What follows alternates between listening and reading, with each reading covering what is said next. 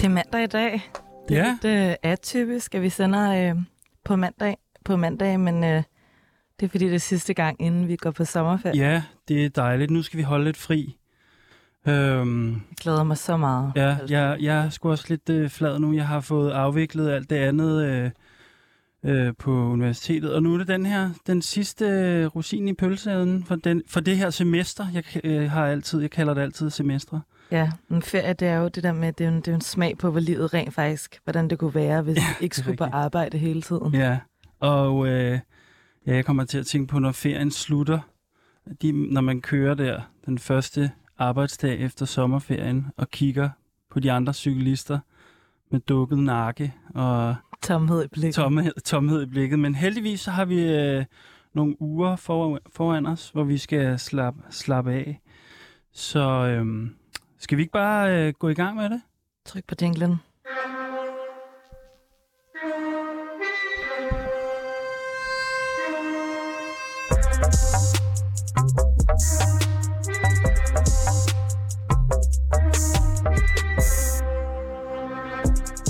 Mit navn er Eskil Halberg, og jeg kalder mig selv for kommunist.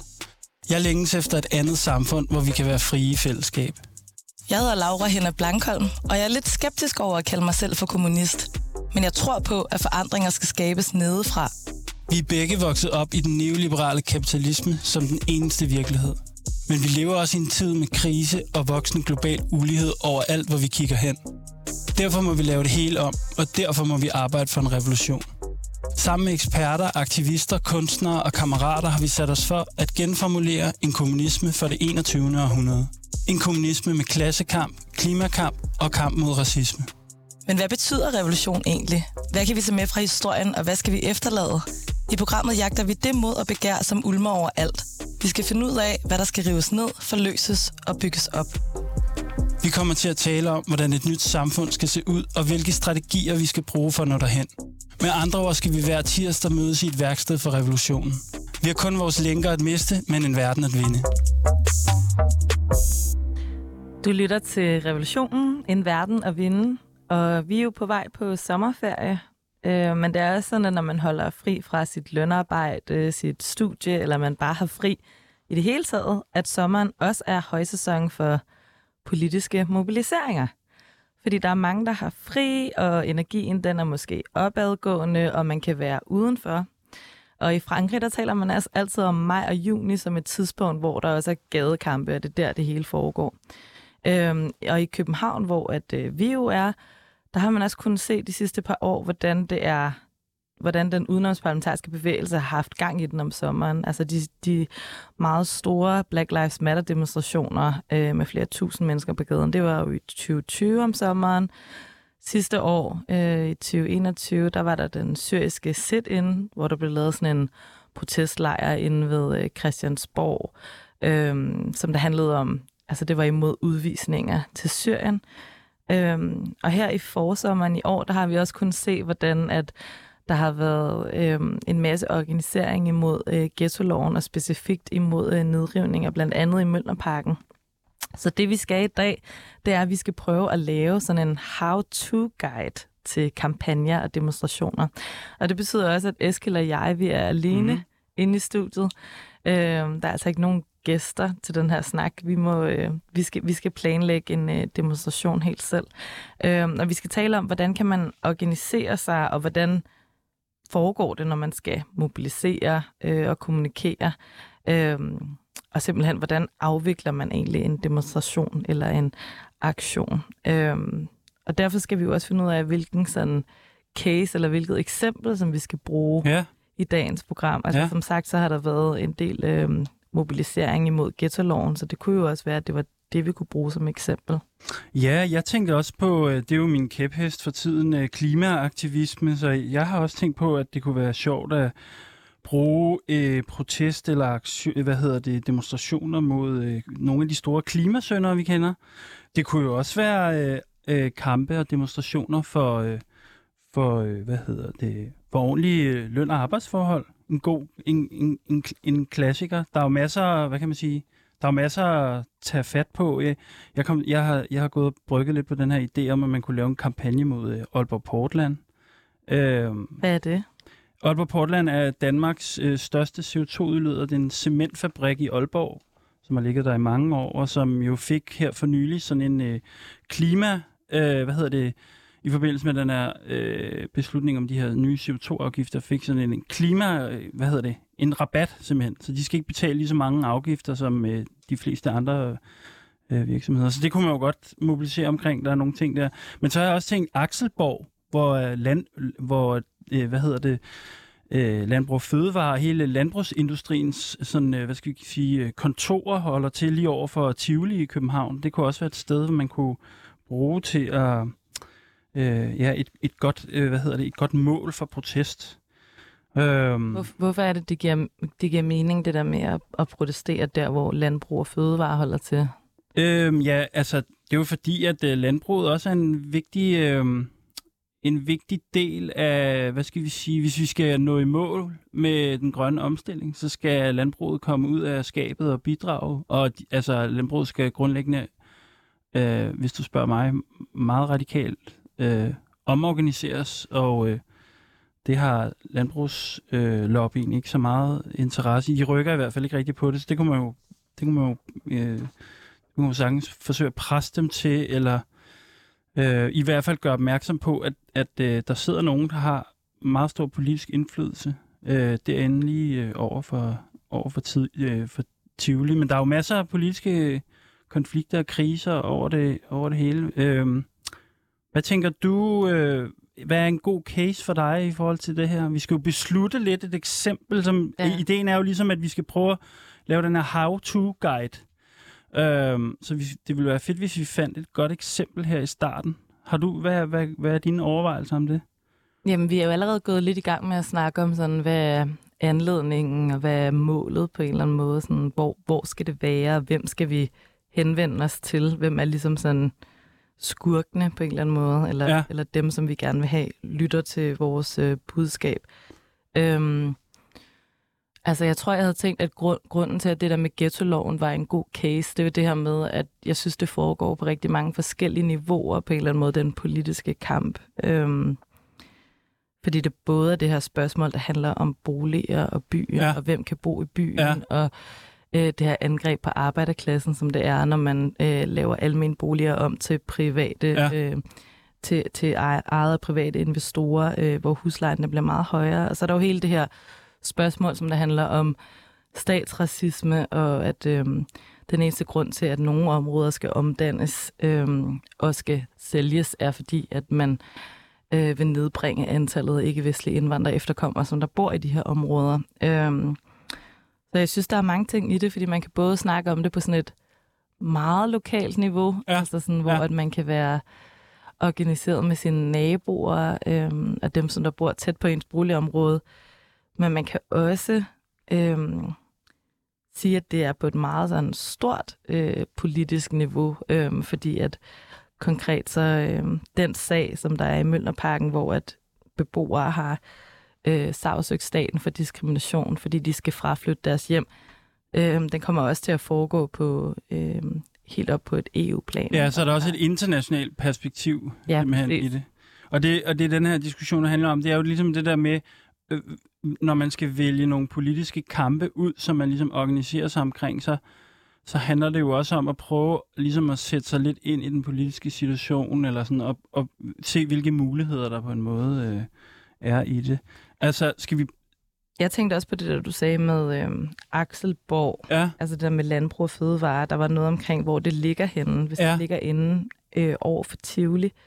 Fordi jeg tror, noget af det, som der måske kan være en udfordring, det er jo ikke generelt, når man snakker om aktioner, men i hvert fald større demonstrationer. Det er det der med, sådan, hvad er muligheden for, at man kan få mange til at møde talstærkt op, og der er det nogle gange bare nemmere, når det er inde i byen. Ja. Øhm, ellers så skal man i hvert fald øh, planlægge sig. Ja, så er der et logistisk, øh, så det er et logistisk spørgsmål, øh, hvis man skal lave en demonstration, øh, hvor der ikke bor så mange mennesker. Det er en god pointe. Og det der jo også er inde ved, jeg, jeg tænker altid i trafik, når man skal lave demonstrationer, fordi jeg synes noget af det vigtigste ved en demonstration, sådan rent, hvad skal vi sige, sådan meget konkret, det er jo det der med, at man, man går ud på vejen. Det er jo ligesom på en måde det, der er sådan ligesom en minimal definition af, af en øh, demonstration. Og de veje, der ligger derinde ved Akselborg, er jo ligesom sådan nogle meget centrale øh, veje. Det er jo der, Vesterbro starter, og der er meget trafik, og det er tæt på Rådhuspladsen og så videre. Så, så af den simple grund er det ligesom, hvad skal man sige, kunne det være et godt sted at placere en demonstration, eller en kampagne, eller et,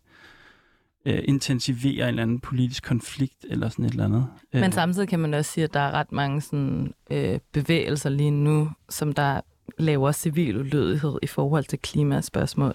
Så man kunne også prøve at tænke sådan der, er der nogle bevægelser, vil den boligpolitiske bevægelse måske have en fordel af, at der bliver mobiliseret til den, sådan så andre kan få en erfaring omkring at øh, aktionere øh, i forhold til det spørgsmål. Ja, det er en kunne god også pointe. være en pointe. Øhm, og de behøver jo heller ikke at have været adskilt på en eller anden måde. Nej. Sådan, øhm, ja, jeg ved ikke, hvordan vi skal beslutte det. Det kan være, at vi skal sige, at vi, at, øh, at vi har lidt to med os igennem. Skal okay. vi prøve det? At, at vi har ligesom... Øh, vi, i, I det her værksted, vi skal holde i dag, så har vi ligesom... Øh, vi tænker enten i, det her, i den her i det her boligpolitiske spor, eller i det her sådan, klimapolitiske spor. Er det ikke bare sådan lidt sådan et ikke-valg? Ikke at vælge nogen? Bare så vi kigger på begge to. Jo, det er det måske. Hvad, hvad så? Så tager, vi den, så tager vi den med ghetto-loven. Okay. Så lad os tage den. Skal vi tager gøre det? Og, oh, vi, men øh, ved du hvad, øh, vi skal også huske at fortælle lytterne noget andet vigtigt. Ja. Og det er, øh, igennem programmet i dag, der skal vi øh, også øh, ringe til nogle aktivister, som har været øh, i studiet før, og ligesom, vi skal ligesom tage lidt temperaturen på, øh, hvad der sker sådan øh, aktivistisk øh, derude. Øhm, og, og jeg tænker måske også, øh, nogle af de her aktivister på en eller anden måde øh, måske kan bidrage til de, den her diskussion, eller det her lidt øh, værkstedsagtige format, how-to-guiden, vi skal lave i dag. Sådan, det kan være, at de også har nogle do's and don'ts, men øh, øh, lad os komme i gang med det. Velkommen til.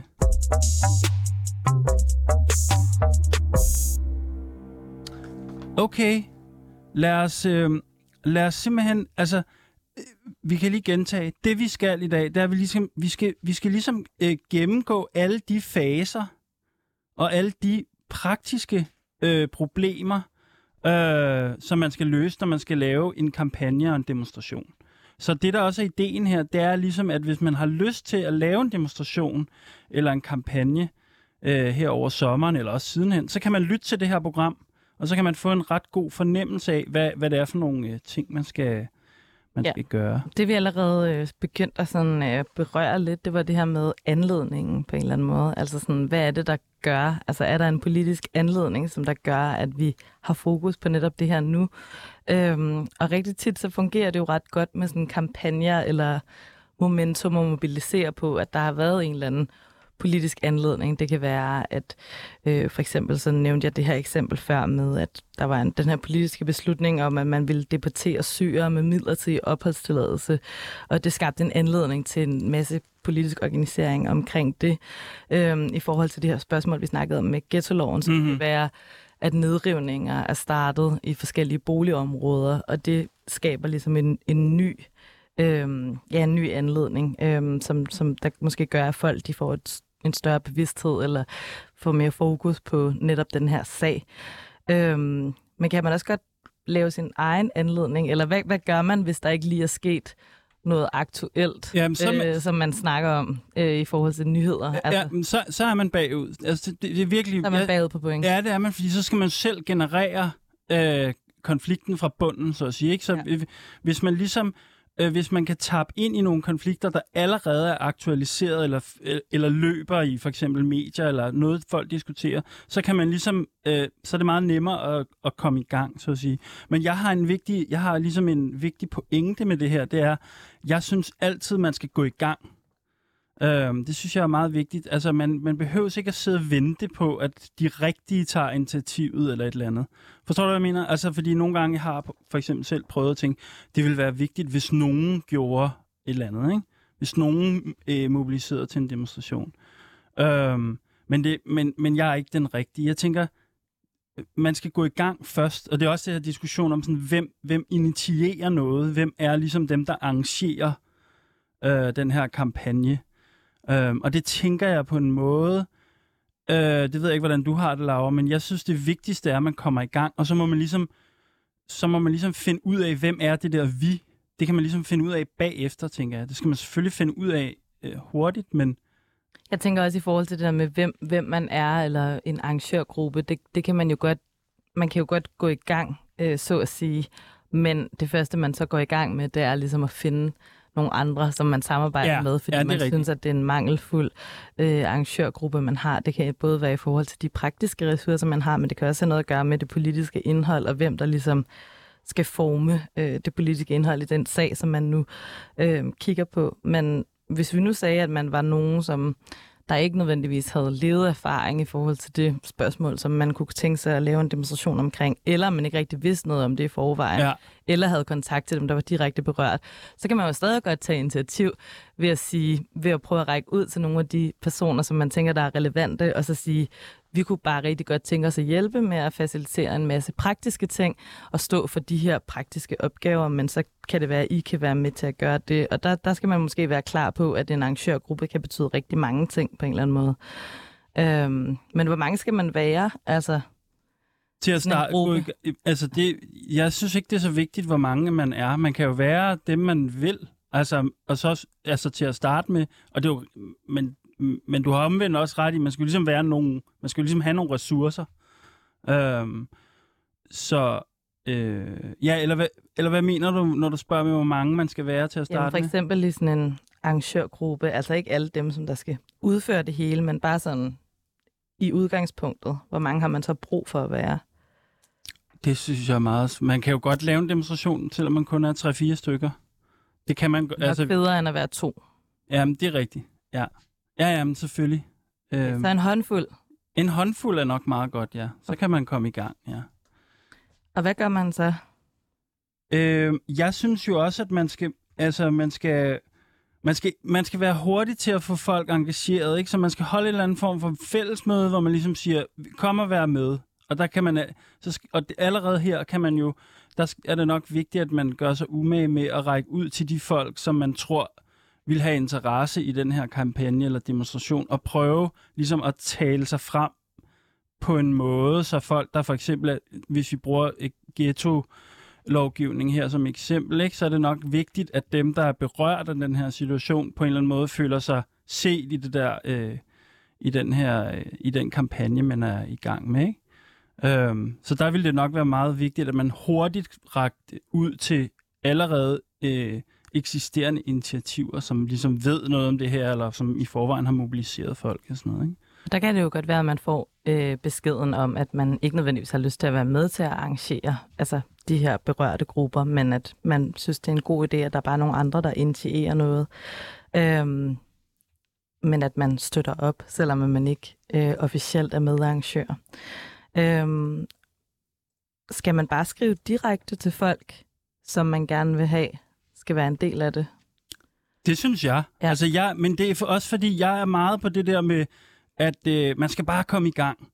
Øhm, og så skal man selvfølgelig gøre sig umage med at invitere dem, man synes er relevante for, sit, for sin øh, demonstration. Ja. Ja. Men jeg, jeg, jeg, jeg, jeg synes ikke, det gør noget, at man starter med bare at invitere tre gode venner. Nej. Altså, så har man jo ligesom også øh, noget, hvad hedder sådan noget, altså, så ved man allerede lidt om, hvem, hvem man er som gruppe og sådan noget. Så må man ligesom sidenhen sådan genoverveje, sådan, er vi de rigtige, eller skulle vi, skal vi prøve at, at række ud til nogle andre, eller er der nogen, der har lavet noget lignende før? Og så videre. Men hvis man så har valgt en, en politisk sag, så skal man jo finde på et budskab på en eller anden måde. Man skal finde en titel på demonstrationen. Du står med at prøve at finde telefonnummer Ja, sådan Vi kan, der. bare, vi kan bare gøre det. Ja, vi gør det om lidt. Ja. Øhm, ja, det er selvfølgelig vigtigt. Hvad det er, hvad det er for et slogan, man, man mobiliserer omkring. Det, det kan hurtigt blive vigtigt. Ja. Øh, og det, må man, det bliver man nødt til at beslutte øh, i forhold til, hvad kan man sige, det kan, dem, det kan tre venner ikke nødvendigvis bare beslutte sådan lynhurtigt, tænker jeg. Fordi det er jo, noget, det er jo ret afgørende, hvad, hvad kampagnens grundlæggende slogan er. Men hvis vi bare skal prøve at være lidt konkret i forhold til det her, som vi står og snakker om nu, hvad kunne det så være? Altså et det handler konkret om det slogan? gu- ghetto-loven. Ja, altså, hvad for nogle slogans har der været allerede? Stop ghetto-loven.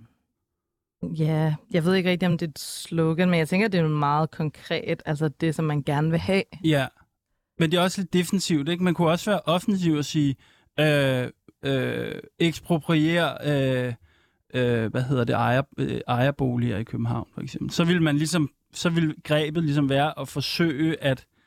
Så i stedet for, at det handlede om ghetto-loven, så kunne det handle om en anden del af det. Ja, så handler det om hele boligpolitikken, ikke, på en eller anden måde. Og så kunne man jo så integrere, hvad skal vi sige, det her ghetto-spørgsmål i den, i den kampagne, ikke? Det, det kommer an på, hvad for en strategi man har, men jeg kan godt, og, jeg, og der kan også tit være noget vigtigt i det der med simpelthen bare at lave noget akut, stop ghetto-loven. Sådan. Ja. Det, det, det kan sagtens have en, en masse energi og kraft øh, på den måde, men jeg tænker også, omvendt kan man jo godt tænke, øh, hvad skal vi sige, optimistisk eller f- om fremtiden og have nogle mere offensive øh, øh, slogans, eller hvad hedder sådan Hedder det ikke et slogan? Øh, parole hedder det også. Ja. ja. Men skulle vi prøve at tage, øh, gøre noget af det her, inden vi snakker videre om det her? Skulle vi prøve at ringe til, øh, til Kirsten fra Felt Klimafælden? Ja, lad os, lad os prøve det. Jeg sætter lige en skiller på først. Det virker sådan, så går vi i gang med noget nyt.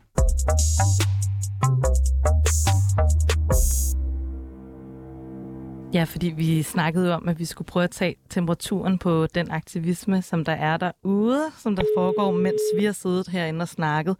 Så vi ringer til Kirsten fra Felt Klimafælden fra program 7 om klimaaktivisme. Måske skal du lige, øh, måske skal du lige vente med at ringe op til det. Det, det er svært øh, at snakke ind over det. Ja, det, det, det var mig. Undskyld. Det, jeg, jeg, jeg piller lidt ved teknikken. Men øh, da vi snakkede med Kirsten sidst, der, øh, der fortalte du kan, bare, du kan bare slå den fra, indtil der er nogen, der Åh, tager okay. den.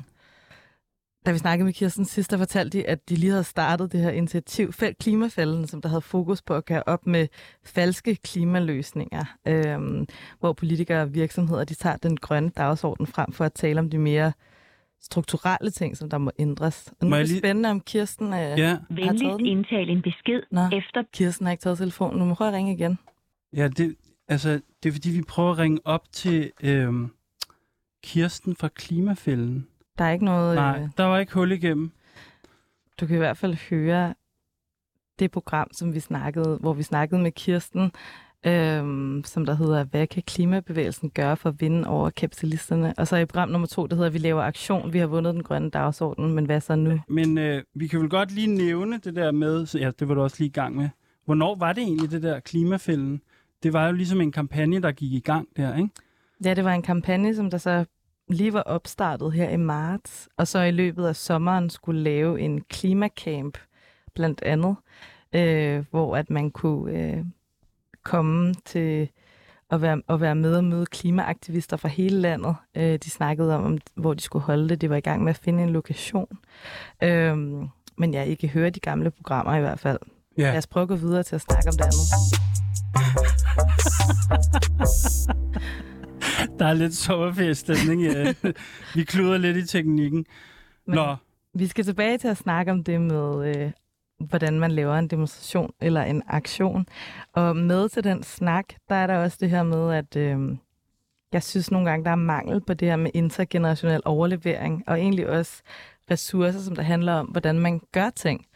Så altså i den udenomsparlamentariske øh, bevægelse, der er det det her med, at man, man kan nogle gange have sådan en følelse af, at man starter fra nul hver eneste gang, og man skal starte forfra hver eneste gang, der er et generationsskifte, og der er nogen, som der har meget erfaring, som der lige pludselig øh, ikke laver så meget aktivisme mere. Øhm, så jeg, jeg savner nogle gange det her med at have et rum, hvor man kan kigge tilbage og også kigge fremad sammen.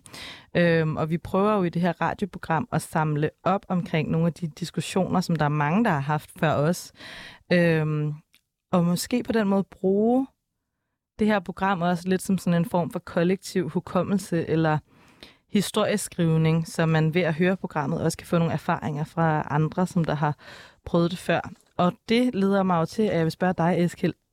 Kan Ja. du komme i tanker om et eksempel på en demonstration, som du tidligere har været med til at lave, og som vi vil kunne bruge ja, altså, erfaringer fra? ja, jeg har været med til at lave nogle demonstrationer gennem årene. Det er godt nok nogle år siden, men jeg, øhm, jeg har lavet 1. maj demonstrationer for eksempel nogle gange, og nogle andre ting. Men, men, øh, men en ting, en rigtig sjov demonstration, som på en måde også var en aktion, som jeg kommer til at tænke på, når du stiller mig det der spørgsmål, det var øh, en demonstration, som ligesom også var en aktion øh, efter, efter demonstrationen, som øh, efter ungdomshusets rydning, hvor der var rigtig mange mennesker på gaden hele tiden, og der var mange tusind mennesker, som ligesom var meget engageret i den her sag.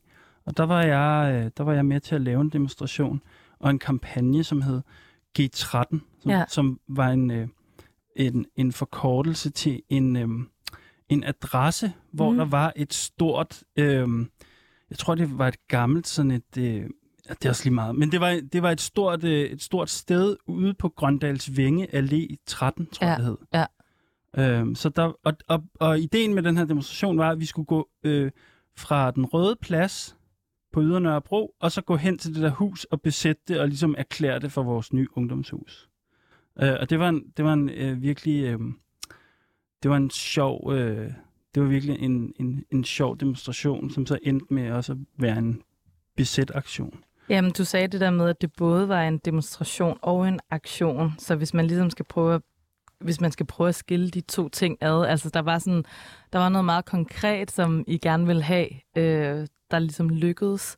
Øh, altså, I vil gerne have et nyt hus. Ja. Og så var der selvfølgelig samtidig den her store mobilisering ja. med en hel masse mennesker på gaden, som der skulle vise, hvad, hvad det var for en dagsorden. Ja, der havde jo været nogle meget store demonstrationer i, i den periode, så folk var meget vant til at gå til demonstration. Og mange af de her, i hvert fald nogle af de her demonstrationer, havde også konfronta- øh, konfrontationer med politiet. Så der, det var også en, en øh, situation, hvor folk var meget, virkelig godt organiseret og havde ma- rigtig mange erfaringer med at være på gaden. Øhm, og det gjorde det, det hele meget mere spektakulært, kan man sige. Altså, øhm, og så havde vi jo meldt det ud i, for, i, for, i forvejen. Ikke? Men ideen var ligesom, at man ligesom kunne gå med i den her demonstration, og så var der ligesom når den her demonstration kom hen til det her hus, så, vi, så var der ligesom, så blev demonstrationen ligesom lavet om til en, til en besæt aktion, ikke? Øhm, altså, man, hvor mange mennesker var det? Ja, men altså, jeg, altså, den røde plads var helt fuld i hvert fald, ikke? Så det har nok været sådan, måske 5.000 eller sådan noget. Så var der, eller måske fire eller sådan noget. Men der er rigtig mange mennesker. Og rigtig, rigtig mange mennesker, som også var sådan, øhm, øh, dagen øh, sluttede jo også med, at det var, det var den største øh, øh, hvad hedder det, masseanholdelse på det tidspunkt i Danmarks historien. Sådan noget 300-400 mennesker. Men, øhm, og hvorfor tror du, hvorfor var det, at, øh, at der kunne komme så mange mennesker på det tidspunkt? Altså, du nævnte noget med, at I havde annonceret det inden, og sådan, hvad var, det, hvad var det ligesom, der var spektakulært på den måde? Jamen, det, altså, hvad skal man sige, der var jo nogen, øh, og det var, har, var egentlig ikke mig, men der var jo i mange år, også op til ungdomshusets rydning, var der jo mange, der havde gået til enormt mange demonstrationer og lavet alle mulige forskellige former for events og koncerter og alt muligt. Mange forskellige, meget forskellige artede aktioner. Øhm, så der var ligesom, folk var ligesom meget vant til det på en måde. Ej, nu glemmer jeg, hvad du spurgte om. Hvad var det? Det var et godt spørgsmål, nemlig. Altså, jeg spurgte, hvad det spektakulære var. Altså, sådan, altså hvorfor, hvorfor, var det, hvorfor var der så mange mennesker, tror du? Hvad var det, den her, hvad var det, der adskilt det her fra ting, man måske kender i dag? Øhm, ja, nå, jamen, det, jamen, det var det der med, at det var, havde været en helt vild, øh, et helt vildt forår, ikke? Øh, ungdomshuset blev ryddet, og der var ligesom sådan uro i hele byen, så det var faktisk meget nemt at mobilisere mennesker øh, til den her demonstration, ikke? Øhm, øhm, og, og noget af det, vi jo også gjorde, det var, at vi annoncerede det på forhånd, så alle vidste ligesom, det var det her, der skulle komme til at ske, ikke? Og så havde vi jo også altså det der med, at man både kunne være med i demonstrationen, og så kunne man ligesom også være med i aktionen. Så det er ligesom... Vi snakkede også med en ven om det den anden dag, som der fortalte, at der var helt vildt meget hype op til den her store demonstration. At der til forskellige arrangementer var nogen, som der lavede kage med små bitte kager med det her ja, G13 ja. skrevet på, altså navnet på demonstrationen og aktionen, der var G13. Øhm, jeg kan ikke huske, om der var nogen, som der lavede en sang specifikt til det her formål, eller om det var til en af de andre masse aktioner, som der var på det her tidspunkt. Men prøv at forestille jer, at der er 5.000 mennesker, øh, som der er på gaden på én gang. Altså en rigtig stor menneskemængde, som der ligesom skal følge på en måde sådan den samme plan. Altså som faktisk er dukket op for at ligesom støtte op omkring sådan det, der nu øh, er dagens, øh, dagens mission. Øhm, og hvordan havde, I, hvordan havde I gjort det? Altså det her med sådan, nu siger du, altså, at folk de allerede gik rigtig meget på gaden på det her tidspunkt, men hvordan fungerede det egentlig, det der med sådan at, at give instrukser til så mange mennesker? Ja, men det gang? var også meget kontroversielt på det tidspunkt, men det var sådan, at øh, øh, øh, i, om, den, den her aktion var i, sådan i efteråret, i sensommeren, øh, og om sommeren havde, var der rigtig mange aktivister, som var taget til Tyskland for at være en del af et øh, G8-topmøde, tror jeg. Og nede i Tyskland, der havde de lavet det, de kaldte sådan, øh, fem, en femfingerstrategi, som ligesom var en særlig måde at lave civil ulydighed, hvor man ligesom løber udenom politiet. Hvor ideen ligesom var, at man, er, man, er, man var mange flere end politiet, så politiet kan ikke stoppe dig, agtigt, hvis, du, øh, hvis du er organiseret. Og det var der rigtig mange, der havde øh, været med til nogle workshops dernede i Tyskland. Så derfor blev den idé ligesom taget med hjem, og så, så prøvede vi ligesom at sætte den i sving i, øh, i København på den måde. Øhm, men det, og det kunne jo kun lade sig gøre, fordi der var mange, der havde rigtig mange erfaringer. Øhm, men det, det også gjorde, det var, at det, det var det tog også lang tid ligesom at prøve at være... Øh, det kan jeg da huske, der var meget sådan snak om. Der var nogen, der syntes, det var for... At, hvem fand, hvorfor fanden skal nogen bestemme, hvad, hvad vi skal lave den dag, og så videre, så videre. Fordi det var jo den her, det var det her begreb om civil ulydighed, som jo er det her sådan ikke-voldelige koncept. Og øh, forhistorien med, med ungdomshuset var jo, at der har været, var jo mange øh, sådan gadekampe i den forbindelse, men her prøvede man ligesom at få sådan en kollektiv øh, beslutte kollektivt på gaden, at den her dag bruger vi nogle bestemte taktikker. Ja. Um, og det lykkedes i meget høj grad. Altså, jeg kan huske dagen efter, jeg, jeg tror nok, der stod på Ekstrabladet, sådan, altså det siger noget om situationen, at vi havde ligesom besat det her hus, flere hundrede mennesker, og der var virkelig mange anholdte, og det var en helt, altså alle nyhederne skrev ligesom om det her en hel weekend. Um, men det var ligesom, det var en stor sejr, fordi at alle kunne ligesom se, hvor dumt det så ud, at politiet tæskede løs på folk, øh, uden at der var nogen, der havde kastet en, øh, en øldåse. Altså, og det var ligesom det, der var grebet ja, på en måde. Ikke? der var den her modsætning mellem, når vi ikke bruger vold, så gør politiet det alligevel. Eller? Ja, lige præcis. Ikke? Øh, og så skal man bare også huske på i den sammenhæng, at der var jo altid truslen om vold, fordi den kendte politikere og øh, københavnske beboere og politiet jo i høj grad også, at, at folk kunne godt det der med at sætte ild i en skraldespand. Ikke? Men det havde man på ligesom den måde valgt, havde man en form for magt. Altså Ja, man havde en 100%. form for sådan overhånd i forhold til sådan øh, my- myndighederne, og også i forhold til, hvordan der blev, hvordan, hvordan de her ting blev forstået i offentligheden, eller hvordan. Altså det er det, det, som jeg synes, der er spændende ved det her, det er at prøve at, at huske at tale om, måske, hvordan man kunne lave aktioner og demonstrationer, som der var så store, hvor at det faktisk var politiet, eller at det var sådan de borgerlige politikere, som der endte med at få en lang næse, Ja. altså i sidste ende. For det, det er mange år siden, det har været sådan på gaden, ikke?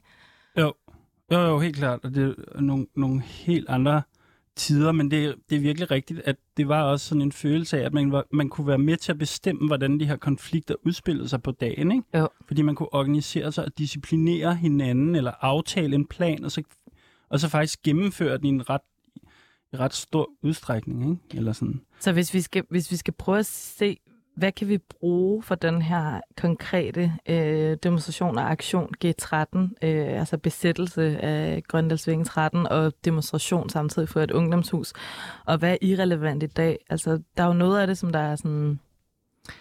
Altså, jeg synes jo, det kunne være interessant på en eller anden måde at snakke om at udbrede civil ulydighed til andre, hvad kan man sige, øhm, bevægelser, øhm, end måske klimabevægelsen, som der har vist øh, eksempler på det sådan her inden for de sidste par år, eller det er i hvert fald det, som man måske mange forbinder det med nu.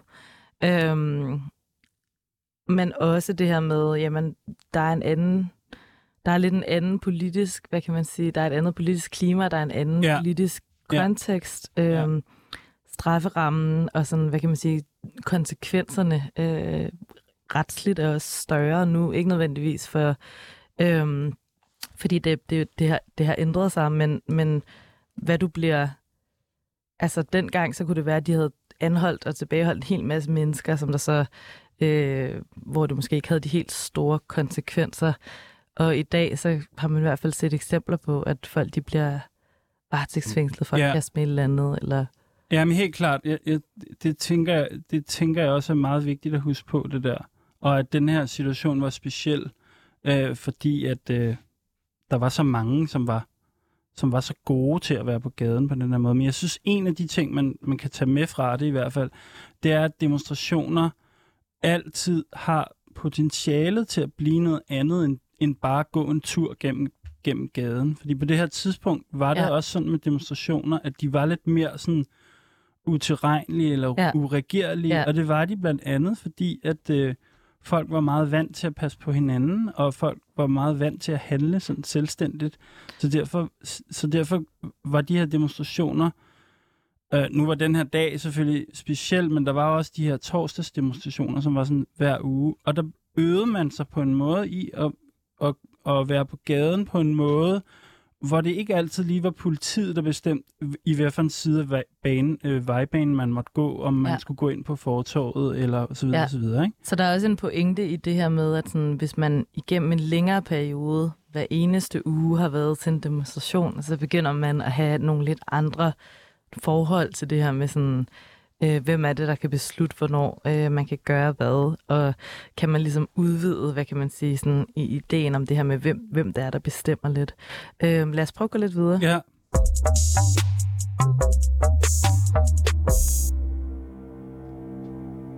Jeg kunne godt tænke mig at snakke lidt om det her med, hvordan man kan mobilisere øh, andre øh, og flere. Altså sådan, nu sagde du på det her tidspunkt, at I var 5.000 til den demonstration, som du lige har fortalt om. Øhm, men hvordan, hvordan, hvordan får man ligesom mange til at dukke op til en demonstration, som der for eksempel handler om afskaffelse af ghetto-loven? Øhm, det er måske noget af det allervigtigste, det her med, hvilke nogle forskellige alliancer kan man skabe? Ja, ja helt klart. Og jeg synes også, den, noget af den snak havde vi jo allerede øhm, helt tidligt i programmet, det der med, jeg synes det, og det er jo noget, en af de ting, vi prøver at gøre os umage med i det her program, øhm, det er jo ligesom det der med at tænke på tværs af øh, konflikter, ikke? Så hvis man for eksempel skal lave noget, der handler om, nu er det igen et eksempel, ikke? Øh, ghetto-loven, en demonstration mod, eller en kampagne mod ghetto-loven, så var meget hurtigt være sådan, øh, tænke over, hvad, hvad for nogle interessenter har en aktie i den her konflikt. Ja. Eller sådan, hvem, Ja.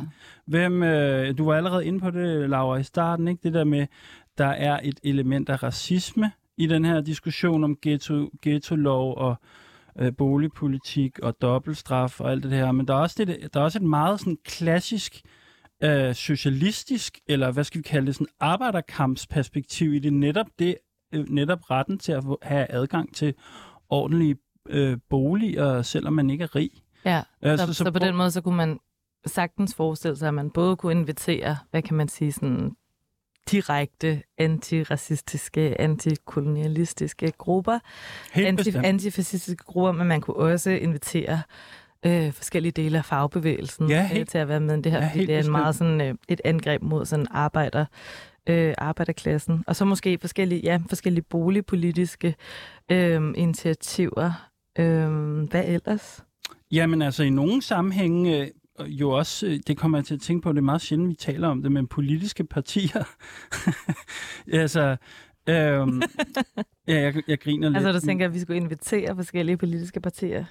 Det synes jeg, man skal være meget varsom med, man skal være, men man skal i hvert fald ikke udelukke det. Nej, men det, man, skal, vil, man skal overveje, hvad kan man få ud af det, Ja. og hvad får de ud af Ja. det på en eller anden måde, Ja, lige at blive inviteret, Ja. ikke? det kunne jeg tale meget længe om, for Ja, det jeg, det. jeg er engang blevet røvrevnt meget af et politisk parti, Nå, jeg. ja. Men det er en anden historie. Ja. Men, men, øh, Men det er nemlig rigtigt. Men, men m- nej, det jeg vil sige, det var, at det her med at mobilisere på tværs, når man skal lave sådan en kampagne eller en demonstration, øhm, der, der tænker jeg også, det er meget vigtigt at tænke over, og- det var noget det, vi nævnte lidt øh, om før, men det der med, hvad det er for nogle slogans og paroler, man har. Så de her ting er jo selvfølgelig også forbundet, ikke? Øhm, men i forhold til den der røverhistorie, jeg fortalte før med ungdomshuset, øhm, der er det på en måde et, et meget mærkværdigt eksempel, fordi at øhm, nej, der gjorde vi helt klart det her også, men det var jo inden for en, for en specifik sådan meget, øh, sådan, hvad skal vi sige, en,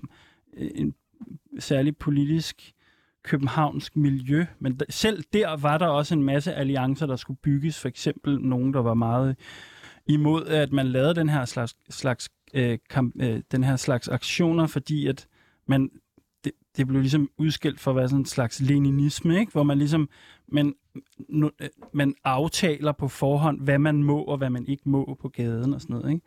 Og man har nogle fælles beslutninger, som alle skal overholde. Men jeg kan også huske det med, at der var en, altså helt specifikt, så var der en queer-blog for eksempel, og så en blog, som der var mere sådan øh, traditionelt socialistisk Ja, ja. orienteret, som der Ja, var en rød blog, og så var der en autonom blog.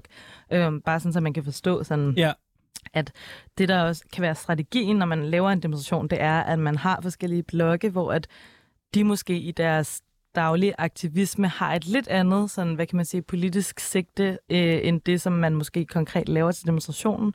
Men så kan de ligesom putte deres egne interesser og begær ned i den her demonstration, øh, og samtidig vise, jamen vi har alliancer på tværs. Øh, det samme ser man jo 1. maj for eksempel, sidste gang, hvor der var en, den kurdiske forening og The Red Van og en Palæstina-blog og en Cutie Bebop-blog. Det synes jeg virkelig... Jeg, det, jeg holder altid meget af den der måde at tænke på.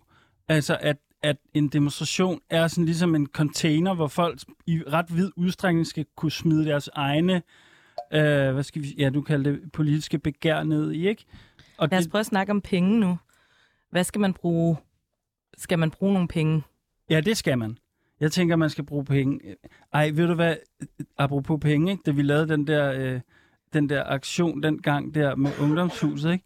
Øhm, øh, der var jo sådan en meget stor tradition for at holde øh, støttefester. Ja. Og øh, så kan jeg huske, at jeg fik Som en, en, som en måde at rejse penge som, på. som en måde at rejse penge på, og, det er jo mange år siden, men der kan jeg bare huske, at jeg fik sådan 40.000 øh, øh, øh, kroner i kontanter i en nettopose, sådan, øh, som, som nogen havde ligesom Rejst genereret. til det? Ja. Eller havde de gjort det på en rejse til noget andet, og så kunne de bare give dig pengene, fordi der nu kom det her? Øh, jeg ved ikke præcis, hvor de kom fra, men det var, jeg tror, det var en, en slags støttefest eller et eller andet, ikke? Men, men det siger noget om, at de, på det her tidspunkt var det meget, altså, var, var, var, det, var der også et sådan godt flow af, af penge til det her. Men det er rigtigt, jeg synes, det, altså, det, det er vigtigt, man skal jo bruge penge til altså gear og materialer, og måske skal man have en demonstrationsvogn og banner, og hvis man skal lave t-shirts, og hvad ved jeg, men der er masser, man kan bruge penge på.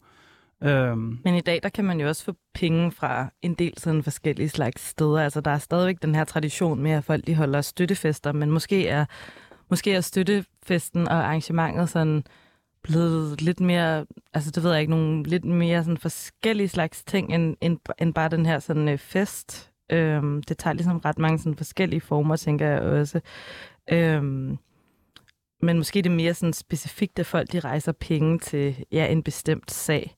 Øhm, og så er der jo også meget det her med, at folk de prøver at indsamle penge sådan via sådan, øh, sådan indsamlinger, hvor man ikke laver en fest nødvendigvis, men hvor man bare sådan gør det på, på nettet.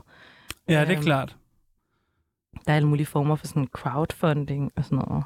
Nå, ja, hvad hedder det? Firefund og... Ja, Er det ikke det, det hedder? jo, det er for eksempel det er et Ja. eksempel på det. Øhm, vi skal også snakke lidt om det her med presse på en eller anden måde. Hvis man har, så har vi skaffet, nu har vi fundet ud af, hvad er vores parole? Vi har fundet ud af, hvem skal vi mobilisere? Der er kommet nogle forskellige sådan, blogge øh, i demonstrationen. Folk, der har sagt, at de gerne vil være med, og vi har skaffet nogle penge, som vi skal bruge til sådan de praktiske ja. ting. Øh, så skal vi måske prøve at forholde os lidt til det her med, øh, hvad er vores succeskriterier i forhold til offentligheden? Altså har vi noget, hvad er ligesom vores dagsorden der? Hvad er det, vi gerne vil? Øh, du fortalte, Ja. at øh, i den her, det her eksempel med G13 med ungdomshuset, at der havde I ligesom lavet, sørget for, at der var en del foromtale af, at det skulle ske. Ja, det Øhm, tænker jeg altid er en god idé, at hvis man ligesom kan prime, hvad det handler om. Altså ligesom sådan, inden, inden man laver den her spektakulære demonstration eller kampagne, at man ligesom kan få folk til at interessere, for, interessere sig for det, inden det, inden det, inden det går ned. Og hvordan får man pressen til at interessere sig for det? Ja, altså, Altså, på det her tidspunkt, der var der jeg synes jo altid, det er et godt eksempel at, at, at sige, man vil, eller det er altid et godt trick at sige, man vil gøre noget ulovligt. Det har jeg altid Fordi tænkt. så er der noget sensation. Ja, så er der altid nogen, der gerne vil skrive om, om det, ikke? Okay. Og jeg kan huske, i den her forbindelse var der nogen, der lavede sådan et anonymt interview med politikken, tror jeg det var. Ja. Og hvor, det, hvor man ligesom sagde det her, sådan, måske, jeg kan ikke huske, tre uger i forvejen. Eller sådan. Sådan, om tre uger, så, så tager vi det der hus der, og det er vores nye ungdomshus. Og så var det jo, så, kan, så kunne man ligesom være med til at styre, øh, hvordan der blev talt om det her, ikke? Ja, Og man kunne ligesom, man kunne ligesom øh, selv være med til at bygge den konflikt, man så skulle vinde, ikke? og jeg Men tænker, du har ret i det der med, at der er noget konflikt. sensationelt, når man gør noget ulovligt, som der, som der gør, at pressen er villig til at tage det. Men spørgsmålet er, om man har lige så nemt adgang til pressen i dag, som man havde dengang for, for 10 eller mere år Ja, siden. det- Fordi der var jo også lidt sådan en, det ved jeg ikke, ungdomshusbevægelsen og alle de her ting omkring fristeder. Det var ligesom noget, som der var ekstremt meget bevidsthed omkring. Øhm, men samtidig så kan man sige, når der har været øh, også en masse sådan, omtale eller skriverier omkring øh, ting omkring ghetto-loven, så kunne det være, at man kunne få en, øh, en form for adgang øh, Ja, det- pressen der. det tænker jeg Øhm, klart. sender man en pressemeddelelse ud, eller hvordan foregår det, hvis man gerne vil have et... Øh, hvis man gerne vil i kontakt med pressen? Ja, altså, det er jo dig, der er journalisten her, faktisk. Men jeg har... Så jeg ved ikke, altså, jeg har skrevet nogle pressemeddelelser, men jeg tror, så skal man skrive dem sådan, ligesom, så, så, de, sådan, så de ser ud, ligesom de kommer fra Ritzau, for eksempel, Ja. eller sådan noget. Med nogle nemme citater, som man ligesom, så, når der sidder en eller anden travl journalist, kan klippe direkte ind, sådan der. Ja. Men tit har jeg det sådan, at det er nemmere at give det til en enkelt journalist. Hvis Ja. ja. man for eksempel har en, en god kontakt til en, en, en, en journalist, som man ligesom stoler på, så kan det øh, fa- faktisk meget ofte være en bedre vej, så, no, så journalisten ligesom får den solo, i stedet for, at man ligesom bare spreder det ud til alle. Ja, så Men- det er lidt et dilemma. Altså, det, det er meget dobbelt, det der med pressemeddelelser, om det egentlig kan betale sig øh, at bare sidde og skrive til en masse redaktionsmails. og sørge tit er de det spild af tid, ikke? Øhm, Men- men, man kan, men det er måske noget, som man gør efter demonstrationen. Ja, og Så kan især man være også, med til at styre, hvordan ja. der bliver skrevet eller snakket om det. helt klart, altså sådan, også undervejs, hvis, hvis man er med, med i en eller anden kampagne, der kan det være, der tænker jeg, der kan man, hvis man har noget vigtig information om det, man er i gang med, som ikke, øh, så kan det ligesom være en måde ligesom at være med til at styre, hvad der sker i medierne, men øh, ja, Men øh, vi skulle faktisk også ringe Ja, til vi- Merete, ja, fordi altså, at øh, nyhederne de kommer jo her om fem minutters tid, så Ja. lad os prøve at gøre det nu. ja, nu skal jeg lige, ej, vil du ikke komme herover og hjælpe mig?